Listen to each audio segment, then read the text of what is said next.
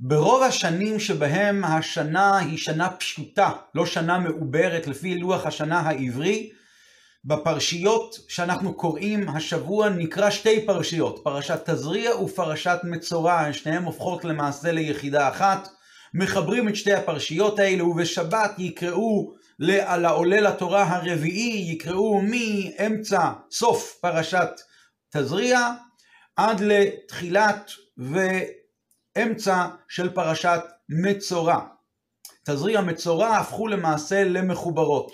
עכשיו בפשטות הסיבה שהן מחוברות זה כדי שאנחנו נצליח להגיע ביום שמחת תורה להשלים את כל התורה כולה ובשנה פשוטה שיש לנו אדר אחד אנחנו צריכים קצת לצמצם ולכן נבחרו שני הפרשיות האלה להפוך ליחידה אחת אבל האמת היא שזה לא סתם זה שהם נבחרו ליחידה אחת זה אומר שיש קשר ביניהם. הקשר הוא די בולט למעשה לא צריך הרבה להתפלפל. פרשת תזריע מדברת על דיני נגעי אדם, פרשת מצורע מדברת על דיני נגעי בתים, נגעי אה, בגדים, הנגעים שקורים בבית, נגעים שקורים בבגד, או נגעים שקורים על האור של האדם, ולכן ברור שהקשר הוא אה, די אה, מובן, לא סתם נבחרו שתי הפרשיות האלה להפוך ליחידה אחת. האמת היא שזה הרבה יותר בולט בעובדה שפרשת מצורע הפרשה השנייה פותחת במילים, וזאת תהיה תורת המצורע ביום טהרתו. התורה מטפלת בטהרה של המצורע, עליו למדנו בפרשת תזריע. אז ברור שהקשר הוא ניכר לעין, אין מה להתפלפל. ובכל זאת, ידוע ששמות הפרשיות הם לא סתם שמות שנבחרו, זה לא סתם המילה הראשונה של הפרשה, הנה פרשת, למשל פרשת תזריע פותחת במילים וידבר השם אל משה לאמור אישה כי תזריע. ואנחנו בחרנו את, פרש... את המילה תזריע להיות לשם הפרשה.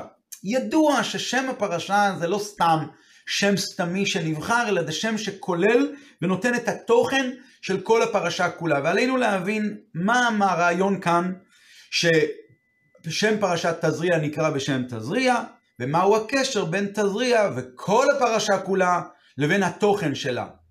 האמת היא, אם נתבונן קצת, נראה שהמילה תזריע זה בכלל לא קשור לנג... לדיני נגעים, ולא רק שזה לא קשור, אלא זה שני הופכים. המשמעות של תזריע זה לידה, אישה כי תזריע וילדה זכר. התורה מדברת על הולדה של חיים חדשים, מעדינים שקשורים לטהרתה של האישה בעת שהיא יולדת, ולאחר הלידה וכולי וכולי.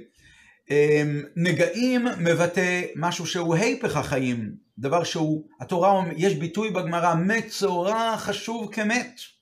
זאת אומרת, מצורע חשוב כמת זה לא בגלל שיש בו איזושהי טומאה, מצורע עצמו הוא חשוב כמת. אז uh, צריכים כאן להבין מה הקשר בין תזריע לדיני מצורעים, ובפרט מה הקשר בין תזריע, הפרשה הראשונה, לפרשה השנייה, פרשת מצורע. הרי לכאורה שם הפרשה, פרשת מצורע, מדברת על טהרת המצורע. לא מדבר על צרעתו, מדבר על ההיטהרות מהצרעת, איך הוא יכול להיכנס כבר למקדש, מה הוא צריך להביא בעת שהוא רוצה כבר להיטהר לגמרי ולהיכנס חזרה למחנה. התורה אה, אה, אה, הייתה צריכה לקרוא לשם של הפרשה בשם אחר. אגב, יש כאלה מקומות, ברמב"ם למשל כתוב שהפרשה הזאת נקראת בשם בעבר, בכל אופן ככה היו קוראים, זאת תהיה, או זאת תהיה תורת, או זאת, או זאת תורת. בכל אופן לא שם שנקרא בשם שלילי כמו מצורע, אבל ככה אנחנו יודעים היום שהפרשה היא פרשת מצורע. אה, האמת היא שבאמת בתוך פרשת מצורע מדברים על נגעי בתים, כמו שאמרנו מקודם, גם על נגעי בתים, גם על נגעי בגדים, אבל מצורע מדבר על, על הנגעים של האדם. ואגב, נגעי בתים ונגעי בגדים לא תמיד זה משהו שלילי. רש"י מסביר שכשרש"י מסביר משהו מסוים זה בדרך כלל פשט, רש"י מסביר שזו הייתה, נגעי בתים זו הייתה בשורה. בשורה היא להם שהנגעים באים עליהם לפי שהטמינו אמוריים את המטמוניות שלהם, האמוריים, יושבי הארץ הקדמוניים, אנשי כנען, היו מטמינים בתוך הבתים אוצרות כסף וזהב, והיהודים לא ידעו מזה, ועל ידי שהיה נגע בבית והיו צריכים לחלוץ את האבנים, ולפעמים אפילו לסתור לגמרי את הקיר, היה מתגלה האוצר, וזה היה בשורה לעם ישראל. אבל בכל זאת, השם של הפרשה היא שם שמבטא משהו שלילי, מצורע. מצורע זה משהו שלילי, מצורע זה דבר שהוא קשור עם לשון הרע, כמו שרש"י אומר, קשור לגסות הרוח. ובכל זאת אנחנו היום נקראים בשמות, ברוב השנים עם ישראל קורא את פרשת תזריע מצורע בהמשך אחד. יש כאן משהו שהוא חיובי ושלילי ביחד. מה זה אומר? מה הסוד שמסתתר מאחורי התזריע מצורע? חיים והיפך החיים לכאורה. נקודת ההסבר היא כזו, אנחנו ננסה להסביר את זה בהרחבה, ו... אבל דבר ראשון את הנקודה. אחד מהיסודות של האמונה הם שיש, הקדוש ברוך הוא נותן על המצוות ועל העבירות, השם נותן שכר ועונש. זה אחד היסודות, זה היסוד הי"א בין 13 היסודות שהרמב"ם מונה בפירוש המשניות, כי הוא היסוד הי"א, כי הוא יתברך נותן שכר.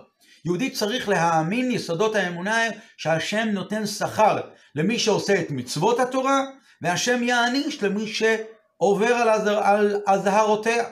והשכר הגדול הוא בעולם הבא, והעונש וכולי וכולי. הרמב"ם מעריך בזה מאוד גם בספרו היד החזקה בהלכות תשובה, אפשר לקרוא את זה שמה בפרק ח' ואילך, הרמב"ם מדבר על ענייני שכר ועונש. אבל אנחנו יודעים שהתורה היא תורת חסד. תורת חסד, התורה היא נקראת בשם תורת חסד. העונשים הם לא לשם עונש חס ושלום, לשם להתנקם במישהו, אלא זה סוג של תיקון. תיקון לנפש, תיקון לנשמה. חכמינו חכמי ז"ל אומרים את הביטוי, כיוון שלקו, נפטרו. כלומר, מישהו שהוא כבר קיבל את הלקייה, את המכה שהוא היה אמור לקבל, הוא נפטר כבר מהעניין הזה, הוא כבר פטור מהעניין הזה, הוא כבר צדיק לגמרי, הוא כבר נקי לגמרי. הגמר... התנ"ך מספר על אחן, אחד מהאנשים שעשה אה, עבירה של גניבה בתחילת הכיבוש של ארץ ישראל על ידי יהושע ביריחו, ואחן שקיבל את העונש שלו, אמר יהושע, על אחן יאחרך השם ביום הזה. אז אמרו חכמינו, ביום הזה אתה עכור, ואי אתה עכור לעולם הבא.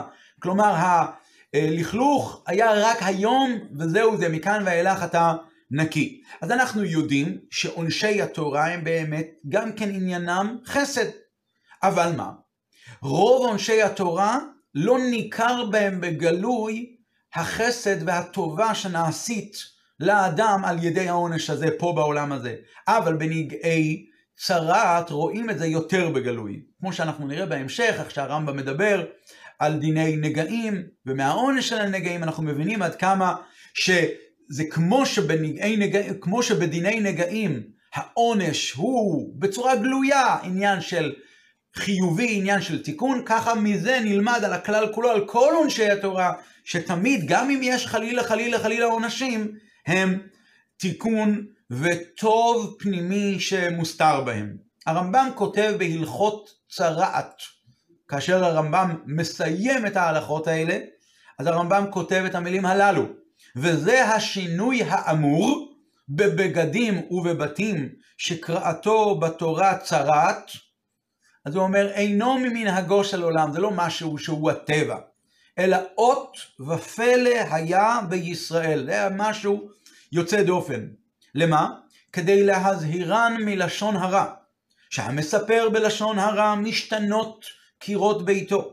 אם חזר בו, יטהר הבית, הבית יסתדר, הנגע יסתדר מאליו. אם עמד ברשעו עד שהבית היו צריכים לנטוץ אותו, אז היה, והוא עדיין לא חזר בו, אז הכלי, הבגדים שלו, הבגדים מאור שהיו לו, הם היו משתנה הצבע שלהם וכולי, והיו עומד להם לצרת. אם עמד ברשעו עד שנשרפו גם בגדיו, אז היה, ועדיין לא חזר בו, היה משתנה אורו, ויצטרע ויהיה מובדל, הוא יצטרך לשבת בדד ישב מחוץ למחנה, עד שלא יתעסק בשיחת הרשעים, שהוא הלשון הליצנות ולשון הרע. כלומר, יש כאן, לפי דברי הרמב"ם, הקדוש ברוך הוא מחולל שינוי בטבע, שינוי בבריאה, כדי שהבן אדם יחזור בו. בהתחלה השם מחולל שינוי בבתים, אחרי זה אם זה לא מסתדר זה בבגדים, והכל זה מן הקל אל הכבד, כדי שבן אדם ייזהר ויישמר מלשון הרע.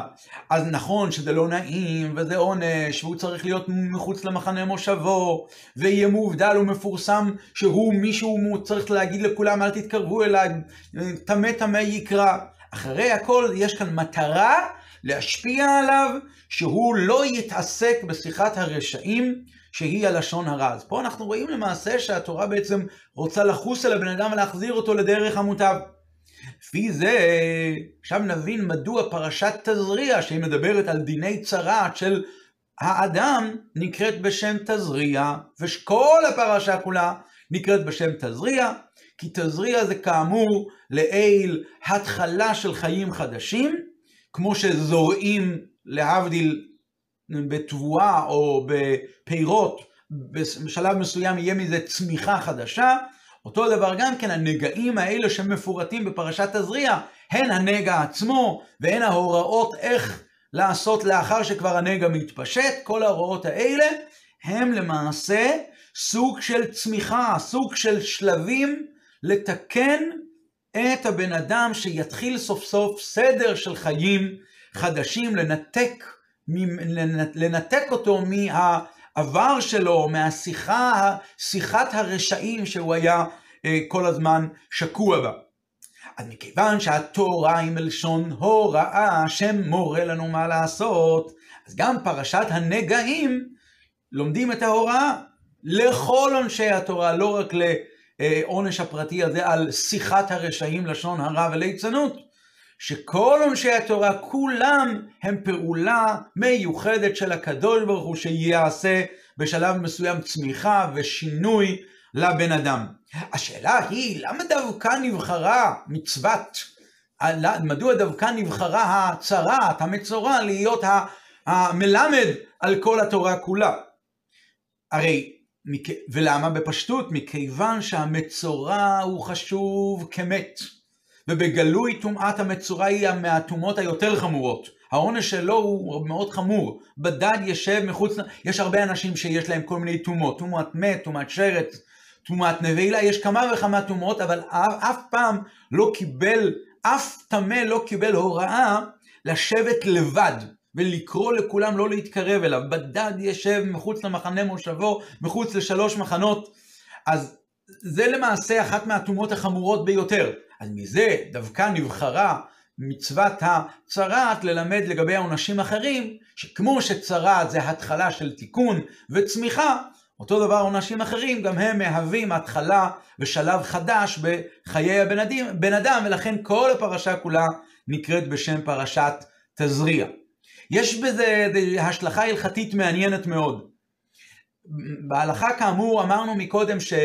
הבן אדם כל זמן שהנגע עדיין נמצא על אורו והכהן הודיע למצורע שהוא מצורע מוחלט, אז הוא בדד ישב מחוץ למחנה מושבו. אבל אם נתבונן, אפשר להגדיר את זה בשני אופנים. אפשר לומר שזה הלכה בדומה, בדומה לטמאים אחרים, שטמאים אחרים כמו טמאים מתים, אה, אסור להם לשהות בתוך מחנה שכינה, אסור להם לשהות, לשהות בתוך מחנה לוויה, אסור להם לשהות בתוך המחנות, אז טומאת מצורע היא טומאה חמורה יותר, צריך לצאת החוצה, לשהות מחוץ לשלוש מחנות. אבל בגדול זה דומה לשאר הטומאות, זה אותו, אותו סגנון של שאר טומאות, זה אופן אחד שאפשר להסביר את זה. אפשר להסביר את זה שלא, שזה אזהרה מיוחדת למצורע לא כעוד סוג של טומאה, יש טומאת מת, יש טומאת שרץ, יש טומאת זבים וזבות, יש כל מיני טומאת ליד, ויש טומאת מצורע, לא. טומאת מצורע זה משהו יוצא דופן, שרק אליו יש בו איזה משהו מיוחד, שרק אליו נאמר שהוא צריך לצאת מחוץ לשלוש מחנות, וטמא טמא יקרא. אפשר להסביר את זה כאמור בשני אופנים. לכאורה, אפשר לומר שחלים על המצורע דינים משני הסוגים האלה. מצד אחד יש לו דין כללי, הוא אחד מהטמאים. יש טמאים, כל הרשימה של הטמאים מופיעה בפרשת נשוא שעדיין לא למדנו אותה, התורה אמרה וידבר השם אל משה וישלחו מן המחנה כל צרוע וכל זב. פשוט, ולא, יש כאן עניין שהקדוש ברוך הוא רוצה שהמחנה יהיה טהור, ולא יהיו אנשים טמאים בתוך המחנה עד שהם יטהרו, ולא יטמאו את מחניהם אשר אני שוכן בתוכם. זאת אומרת, זה דין ש... זה אופן אחד להסביר את זה. אופן שני לומר, לא, יש, יש עוד ציווי, בדד ישב מחוץ למחנה מושבו, זה דין מיוחד ביחס למצורע, דווקא לטובת המצורע, לטהרתו של המצורע, לא כדי להרחיק אותו מהמחנות. באופן הראשון אני אומר, יש לו דין כמו כל הטומאות. כמו שכל הטומאות אנחנו לא רוצים לטמא את המחנה, אז משלחים אותו מחוץ למחנה, אותו דבר גם המצורע שיצא החוצה ולא יטמא את המחנה. אפשר לומר לא. בדן ישב מחוץ למחנה מושבו זה לטהרתו, זה לעזור לו, זה לחלק אינטגרלי מהטהרה שלו. ויש בשני האופנים, בשני סוגי הדינים האלה יש כמה וכמה השלכות הלכתיות.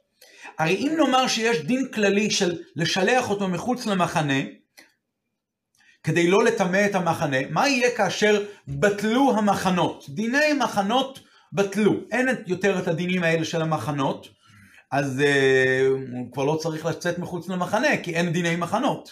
אבל אם נאמר שיש את הפרט הזה של בדד ישב מחוץ למחנה מושבו, הפן החיובי שיש כאן, שהמצורע צריך לצאת מחוץ, לא רק לא לטמא את המחנה, אלא הוא צריך במובן הפוזיטיבי, האקטיבי, להיות בדד מחוץ למחנה.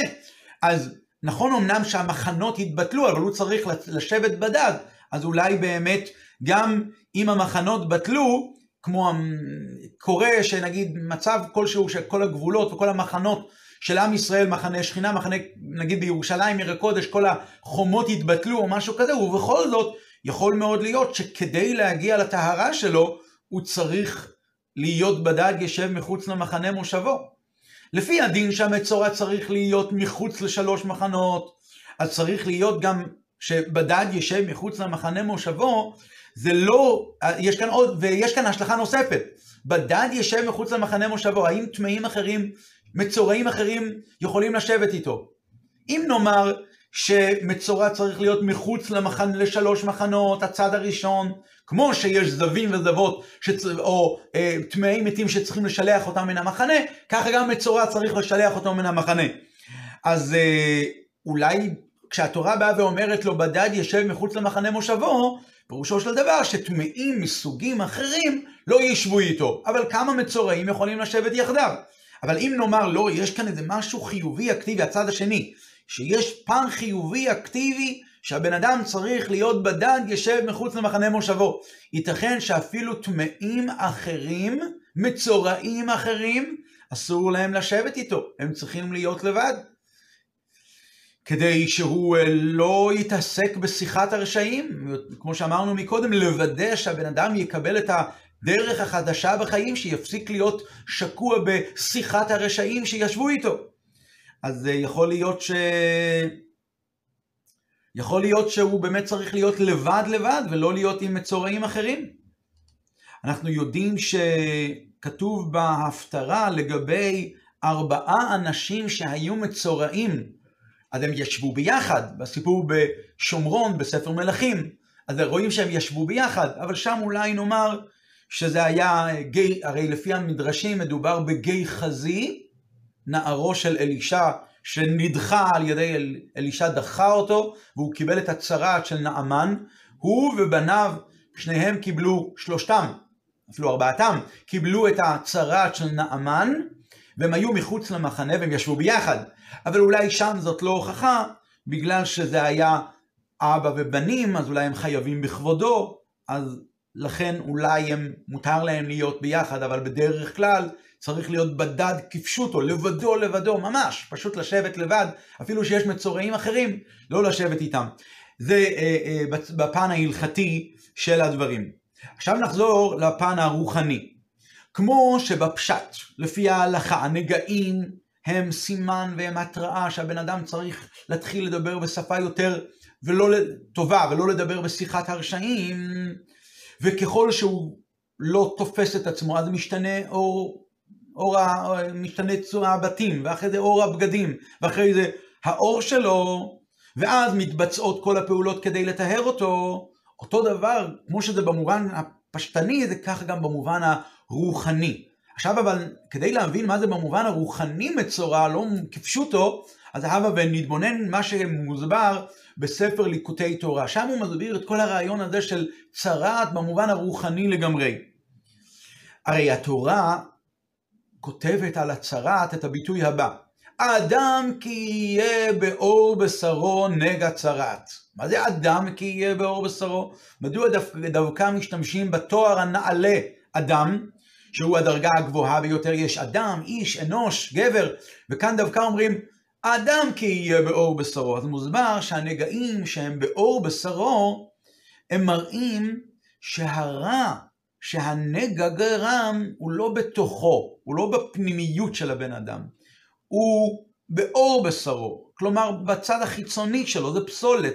יש איזשהו רע שנשאר לבן אדם, מדובר כאן בבן אדם לפי המשמעות הרוחנית אה, שמוסברת בספר ליקוטי תורה, מדובר כאן באדם רוחני מאוד, שיש בו רע שנשאר רק בחיצוניות. בשפת בעל התניא זה נקרא בסוף לבושיו, ברגע, במקום החיצוני שלו, באור בשרו, לא בפנימיותו. וזה, בנקודה, לפי הנקודה הזאת מסביר בעל התניא את הסיבה מדוע נגעים לא קיימים בזמננו זה ואחרי החורבן, בכלל לא היה קיים. בפשטות, בגלל שזה דבר של ניסים, זה משהו ניסי, ומשהו שהוא אה, לא קיים היום, בגלל שהחורבן, אחרי החורבן, אז כל השכינה אה, הסתלקה בצורה גלויה, ולכן אין את הניסים בצורה גלויה, ולכן אין את דיני נגעים. אבל העומק הדברים הוא, כי אם אנחנו מסבירים שמדובר כאן בן אדם גבוה ונעלה, אדם כי יהיה באור בשרו, אדם שאין לו כלל רע בתוך פנימיותו, והרי אנחנו יודעים היום שאפילו לאדם גדול עדיין יש בו איזשהו קצת רע בפנימיותו, אז לכן זה לא קיים כל כך היום, ולכן אותו רע שיש בימינו היום לא מופיע בפועל בצורה של נגעים, כי, כי, כי זה לא קיים. כי, זה, כי לא קיים אדם לכאורה, אנשים בכזו רמה גבוהה, אבל כנראה אז זה כן היה קיים יותר. אבל בכל אופן, חזרה לענייננו, לפי הרעיון הרוחני, נבין עוד יותר טוב מדוע הפרשה נקראת בפר... בשם פרשת תזריע, שזה לצורך הולדה ולידה חדשה. הקדוש ברוך הוא כאן מחולל מעשה ניסים, כדי שגם הפסולת והרע שנשארה בחיצוניותו של אותו בן אדם, שמדובר כאן בבן אדם נעלה, גם היא תתברר ותזדכך, ולכן השם הזה מבטא צמיחה, לידה חדשה, אישה, ולכן אומר, קוראת, נקראת כל הפרשה על כל פרטיה פרשת תזריע. לפי זה נבין גם את השם של הפרשה השנייה, פרשת מצורע. למרות שבפרשה הזו לא מדובר על המצב של המצורע בטומאתו, להפך מדברים על זאת תהיה תורת המצורע ביום טהרתו. מדוע נקראת הפרשה בשם פרשת מצורע? יש כאן איזשהו, התורה כאן רוצה להביע משהו מסוים, שהטהרה והרפואה של המצורע, שמפורטת בפרשת מצורע, היא לא חידוש נפרד על... היא לא חידוש נפרד שמתרחש בפרשה הזו, אלא על ידי הפעולות וה, והפרטים שאנחנו לומדים בפרשה הזו, אנחנו בעצם מתקשרים למה שהיה מקודם. זה לא שזה משהו חדש, זה המשך ותוצאה ממה שמבואר בפרשת תזריע. נסביר את זה אולי בסגנון אחר. השלבים והפעולות שאנחנו לומדים עליהם בפרשת מצורע, מה שהוא צריך להביא, איזה קורבנות הוא מביא, שבסופו של דבר הוא יבוא לידי טהרה, וזאת תהיה תורת המצורע ביום טהרתו, הם בסך הכל מגלים ש... על, על הצרעת שהייתה לו, שעליה מדובר בפרשת תזריע. לכן כל הפרשה נקראת פרשת מצורע. כאילו נאמר, המצורע שבו זוהי הטהרה. כי כמו שאמרנו מקודם, הריפוי של אותו בן אדם נעלה ברוחניות הוא נעשה על ידי כל הפעולות האלה שעליהן למדנו בפרשה הקודמת, ולכן השם של הפרשה הוא לא פרשת זאת תהיה, או פרשת ביום טהרתו, או פרשת טהרתו, שם שמבטא טהרה, שאז היינו אומרים, טוב, היה מצב שלילי, והוא ברוך השם יצא מזה. לא, גם המצב השלילי של, של המצורע היא, היא הטהרה. השם מצורע, שמבטא לכאורה משהו שלילי, הוא בעצם מבטא טהרה, כי זה, כי זה הכל תוצאה של המצורע, של העניין של המצורע. עכשיו, כמו שאנחנו רואים את זה במובן האינדיבידואלי, האישי, של אותו יהודי שהיה מצורע, והצרת הזו היא-היא הטהרה שלו, להביא אותו לזיכוך ולהביא אותו לרמה עוד יותר גבוהה של זיכוך, להביא אותו לרמה עוד יותר גבוהה של אה, אה, קשר אל הקדוש ברוך הוא, שאפילו החיצוניות, האור בשרו, החיצוניות שנשארה בו, שיש בה רע שנדבק בחיצוניות שלו לפי הביאור בליקודי תורה, גם היא תזדכך וגם היא תתברר ותהיה, תהפוך להיות לקדוש, לקדושה, בנוסף לפנימיות שלו שהיא קדושה. אז לכן, כמו שאנחנו רואים את זה בצורה האינדיבידואלית האישית, אותו דבר זה גם במובן הגלובלי של כל עם ישראל בכללותו. שעם ישראל כשהוא נמצא בגלות הוא בבחינת בדד ישב מחוץ למחנה מושבו. מה עם ישראל עושה פה בעולם הזה? מה עם ישראל עושה בתקופת הגלות? אז אומרים לנו שהעבודה הרוחנית של עם ישראל בגלות היא תזריע, היא לזרוע. בן אדם, כל הזמן שאנחנו עושים פה בעולם הזה, אנחנו זורעים וזורעים המון המון מצוות, וכל הדורות עושים המון המון זריעה. בסופו של דבר זה יצמח, הגאולה הזו, הגאולה וביאת המשיח ותחיית המתים, זה הכל, זה, זה, זו תהיה הצמיחה. אז מסתבר שמה שיהיה בימות המשיח ובתחיית המתים, זה לא דבר נפרד מהגלות, אלא זוהי צמיחה מעבודת הזריעה שהייתה בגלות. פרשת תזריע, שהיא מדברת על המצב, כמו, ש, כמו בפשטותן של דברים. פרשת תזריע, דיני הצמיחה, זריעה, זריעה מבטא צמיחה, חיים חדשים. מה מדברים בפרשת הזריעה? על דיני המצורע ועל ההסגר שלו ועל הבדד ישב מחוץ למחנה מושבו. אותו דבר עם ישראל שהוא בבחינת מחוץ למחנה, בגלות, זוהי למעשה הזריעה הנכונה וזוהי הזריעה האמיתית. וזוהי ההוראה שיהודי צריך לקחת מהקשר הזה של השמות, פרשת תזריע ופרשת מצורע בעבודה האישית של כל אדם ואדם. יהודי מצד אחד צריך להמשיך ולקיים את המצוות וללמוד תורה ולעשות את זה בגלל שהשם ציווה. רק מה? הוא יכול לחשוב שהתוצאה של כל מה שהוא עושה זה כבר לא חשוב בעיניו. אני עושה את הדברים בגלל שהשם ציווה. מה יהיה מזה? מה, איזה זריעה אני כאן מצמיח? אני לא יודע. וזוהי ההוראה והמסר שאנחנו לוקחים, שביחד עם התנועה הזו של הקבלת עול ולעשות את מה שהשם מצווה כי ככה השם ציווה, ביחד עם זה בן אדם צריך לחוש במעשים שלו ובעבודה שלו בתקופת הגלות, שזוהי זריעה. הוא צריך לדעת שזה יעשה בסופו של דבר צמיחה של גילוי אה, אורו של משיח פה בעולם הזה, וממילא הגילויים שיהיו בעתיד זה לא איזה משהו נפרד, אלא הם המשך והיא תוצאה ישירה מהעבודה הרוחנית של הפעולה האישית שהבן אדם עושה בכל יום ויום, כל הנחת תפילין, כל מצווה, כל לימוד תורה שהוא עושה, זה למעשה עכשיו זורע, זה, מצ... זה זריעה שמביאה צמיחה כתוצאה מהעבודה הזו. עכשיו, אבל אם נתפלפל יותר, נבין שיש קשר בין תזריע לבין מצורע וגם בעבודה של הבן אדם. אנחנו נתבונן בזה יותר ונבין שבאמת בקשר הזה שבין העבודה הרוחנית בתקופת הגלות לבין התזריע, לבין ביאת המשיח בהמשך, מצורע, יש כמה אופנים איך להסתכל על זה, ו... ו... ומהחיבור, החיבור הזה של תזריע ומצורע יחדיו, זה שהפרשיות האלה ברוב השנים מופיעות יחדיו, נותן גם כן מסר מאוד מאוד חזק אלינו. הרי כל יהודי הוא בעצם מאמין בביאת המשיח, כל יהודי הוא מחכה לביאתו של משיח צדקנו, זה הרי אחד מיסודי האמונה ש... שבהם שווים כל עם ישראל, 13 יסודות האמונה, היסוד הי"ג הוא להאמין ולחכות לביאת המשיח צדקנו. ובכל זאת יכולים להיות חילוקים ושינויים עד כמה האמונה הזאת חזקה ועד כמה היא קשורה אל המעשים של הבן אדם והעבודה שלו ביום-יום. יש, בגדול אפשר לצייר את זה בשתי כיוונים. יכול להיות יהודי שלומד תורה ומקיים מצוות מתוך ידיעה שכעת הוא זורע, וזה מה שיביא בפועל את הגאולה, אבל הדבר הזה לא קשור אליו, זה לא קשור לעבודה שלו. והסיבה שהוא לומד תורה ומצוות זה לא למטרה הזו.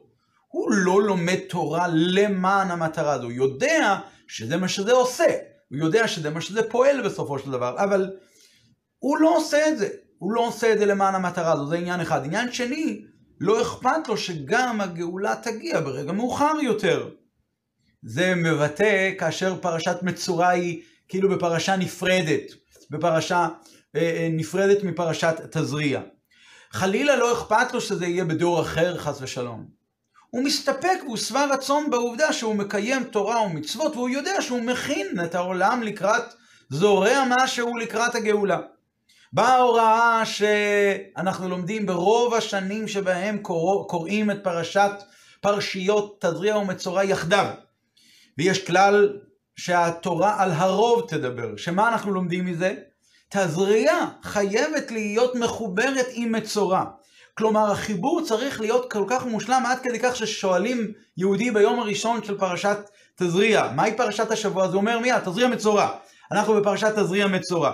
כלומר, מה המסר? שהעבודה של היהודי בתקופת הגלות היא צריכה להיות בצורה כזו שהיא חדורה, לא רק שהוא, שהוא יודע שזה עושה את הגאולה וזה, הוא זורע את הגאולה, הוא יודע שהוא עכשיו, זוהי המטרה שלו. ולכן, המח... ולכן מכיוון שזוהי המטרה שלו, אז הוא מחכה בכל יום שיבוא, הוא מחכה שזה יהיה בכל יום. לישועתך קיווינו כל היום, זוהי העבודה של היהודי כל הזמן, הוא חש שבעת שהוא מקיים תורה, לומד את התורה ומקיים את המצוות, אז העבודה שלו מחישה ומזרזת את הגאולה. אבל גם בחיבור הזה עצמו בין תזריע ומצורע יכולים למצוא עוד שתי אופנים. כלומר, יכול להיות תזריע ומצורע בנפרד, שזה מבטא שיהודי יודע שהוא זורע, והוא זורע את הגאולה, אבל זה בנפרד. יכול להיות שזה מחובר, תזריע ומצורע מחובר, אבל בזה עצמו אפשר לקרוא את זה בשתי אופנים. יכול להיות שהוא מחובר עם פרשת זאת תהיה, כמו שהרמב"ם היה קורא לפרשה הזו. פרשת תזריע ופרשת זאת תהיה. כלומר, היהודי חש שהעבודה שלו היא תזריע, היא זריעה שגורמת את הצמיחה, היא מביאה את הגאולה, אבל זה באופן של זאת תהיה. זה עדיין דבר נפרד. זאת אומרת, הוא יודע שאחכה לו בכל יום שיבוא, ושהעבודה שלו היא-היא זו שמביאה את הגאולה, אבל אה, ניכר שאצלו זה דבר נפרד. באמצעות הפעולה שלו, הוא מביא את הגאולה, ובפרט כאשר זכו, אז יהיה אחישנה, זה יהיה הרבה יותר מהר. יש אופן עוד יותר נעלה. תזריע, לא פרשת תזריע ופרשת זאת תהיה, כמו שהרמב"ם קרא לזה, אלא כמו שאנחנו בדורותינו אנו קוראים לפרשה הזו, פרשת תזריע ומצורע. כלומר, העניין הזה של החכה לו בכל יום שיבוא, מודגש בתזריע, רואים את זה לא כעניין בפני עצמו, זה לא רק שהעבודה שלו תגרום שהגאולה תבוא, אלא שהגאולה היא עניין אחד עם העבודה שלו, עם העבודה הרוחנית שלו, עם התזריע. ביאת המשיח היא שהיא הצמיחה, והיא מהווה את השלמות של העבודה שלו, של הזריעה שלו. תזריע ומצורע ביחדיו, זה עניין אחד, הוא יודע שזו המהות הפנימית של כל העבודה שלו. ולכן באמת אנחנו יודעים שכשהמשיח יבוא, אז תשבי יתרץ קושיות ובעיות, המשיח יבוא ויגלה את אה, טעמי התורה, כמו שכתוב, אה, אה, ישקני מנשיקות פי, הוא כתוב בשיר השירים, הקדוש ברוך הוא יגלה את דברים שמשיקין עליהם את הפה, הקדוש ברוך הוא יגלה את טעמי התורה שיהיו נסתרים, זאת אומרת הוא יודע שבעבודה שלו הוא יביא את הגילוי הגדול והנעלה הזה. הרמב"ם, כשהרמב"ם מדבר על הלכות אה, מלכים, אנחנו עכשיו לומדים את ההלכות האלה אה, בתקנה היומית של הרבי מלובביץ' ללמוד את כל ספר הרמב"ם. אז ממש מההלכות האלה בימים האלה לומדים באחד המחזורים, ה, אה, כבר מחזור ה-32, 34, ש, שהרמב"ם קובע הלכה, שכשהגאולה תבוא היא תביא בחזרה את השלימות של המצוות. המצוות יקיימו אותם בצורה מושלמת יותר. כלומר, כל העניינים שחסרו לשלימות של קיום התורה ומצוות בגלל שבני ישראל לא היו בארץ ישראל, לא היו על אדמתם, בית המקדש לא היה בנוי וכולי וכולי, כשיבוא המשיח, עיקר עניינו של ביאת המשיח יהיה להחזיר את השלימות של אה, המצוות.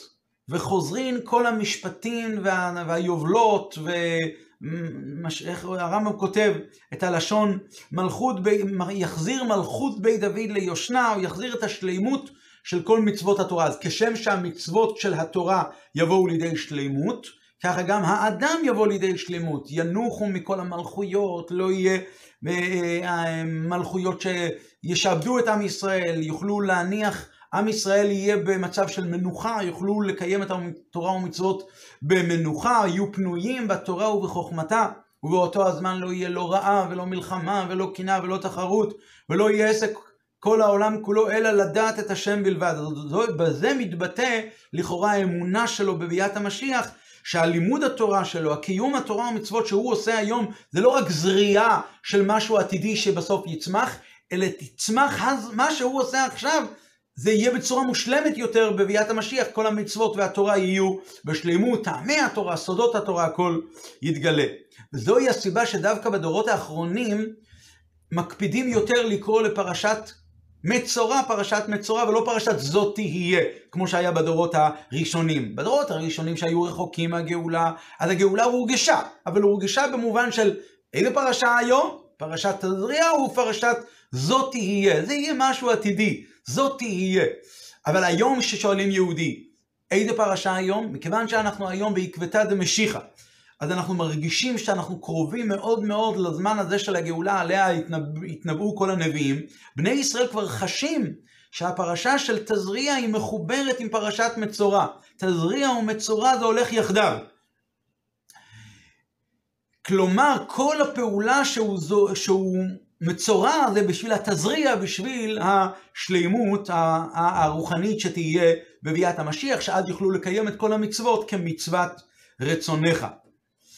וכמו שאצל הבן אדם, ועכשיו חזרה לענייננו, כמו שאצל הבן אדם הפרטי, מסבירה תורת הפנימיות התורה, שמצורע זה אדם כזה שהוא אדם מושלם, ורק נשאר איזה בחינות קטנות בעור בשרו, משהו בחיצוניות שלו שמתברר.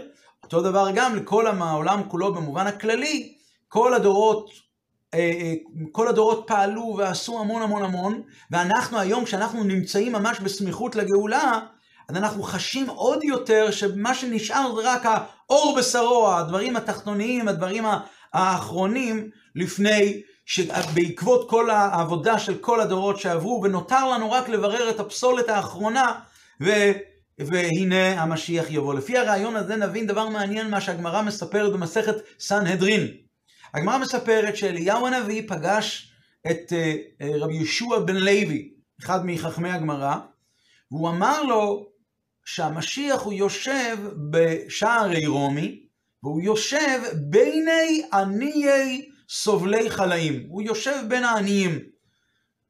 ורש"י שמה מסביר מה הכוונה שהוא יושב בין העניים סובלי חולאים, מצו, מנוגעים, בין המצורעים. וגם הוא מנוגע, ככה רש"י אומר.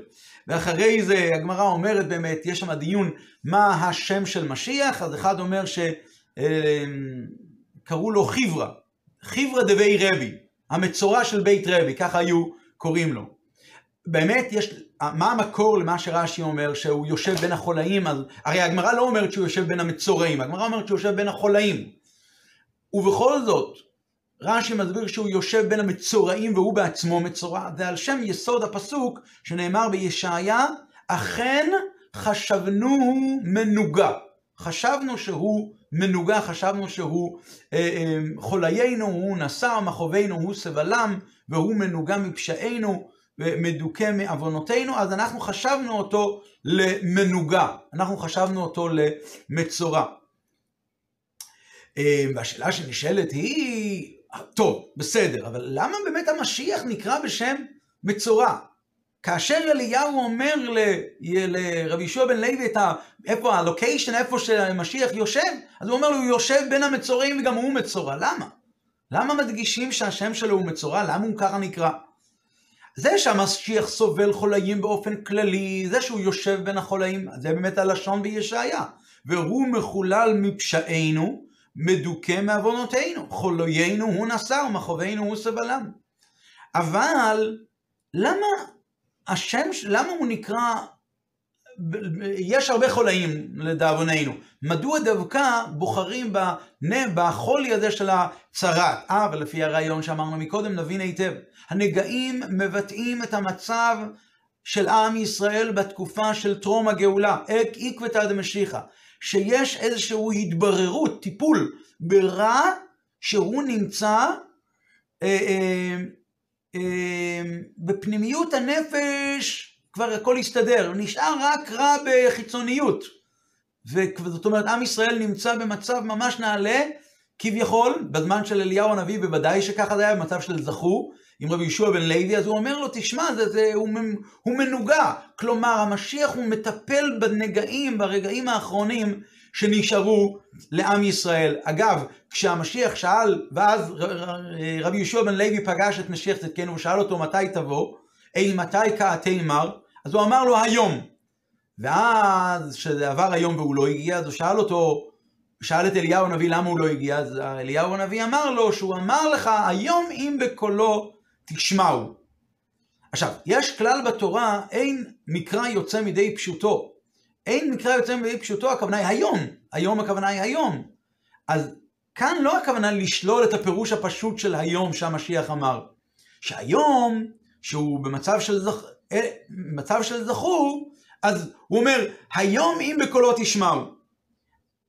אה, מה, מה מת ההסבר? הוא אומר, היום, מה הכוונה? זה שהמשיח לא בא בגלל שהייתה חסרה איזושהי שלימות ב"בקולו תשמעון". היה חסר איזשהו משהו בזיכוך של הרע האחרון שנשאר, אבל בעצם הוא אמור היה להגיע כבר היום.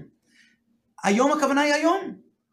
ובפועל, בקולו תשמעון, צריך איזשהו טיפול ברע החיצוני שנשאר, והרע הזה, המשיח, הוא מנסה לסדר אותו, ולכן הוא בעצמו נקרא בשם מצורע, וזה הרעיון של הקשר בין תזריע ומצורע דווקא בדורות האחרונים, דווקא בדורות האחרונים מדגישים יותר שאנחנו זורעים כבר, וכל הפעולות שאנחנו עושים, אנחנו כבר עושים אותה למען הגאולה השלמה, ולא רק למען הגאולה השלמה, שזה חלק בלתי נפרד מהעבודה של הבן אדם, בפרט בדורות האחרונים, אנחנו מדגישים את זה, חשים את זה, אה, כל אה, צדיקי ישראל והרבי בראשם אמרו שהנה זה עומד, עומד אחר כותלנו, ולכותל יש אה, כבר חלונות ויש לו חרקים, והוא משגיח מן החלונות, מציץ מן החרקים, נשאר את הדברים הקטנים שנשארו, זה כמו, ה, כמו שנאמר ב, בליקוטי תורה, בסוף לבושיו, משהו בסוף הלבושים נשאר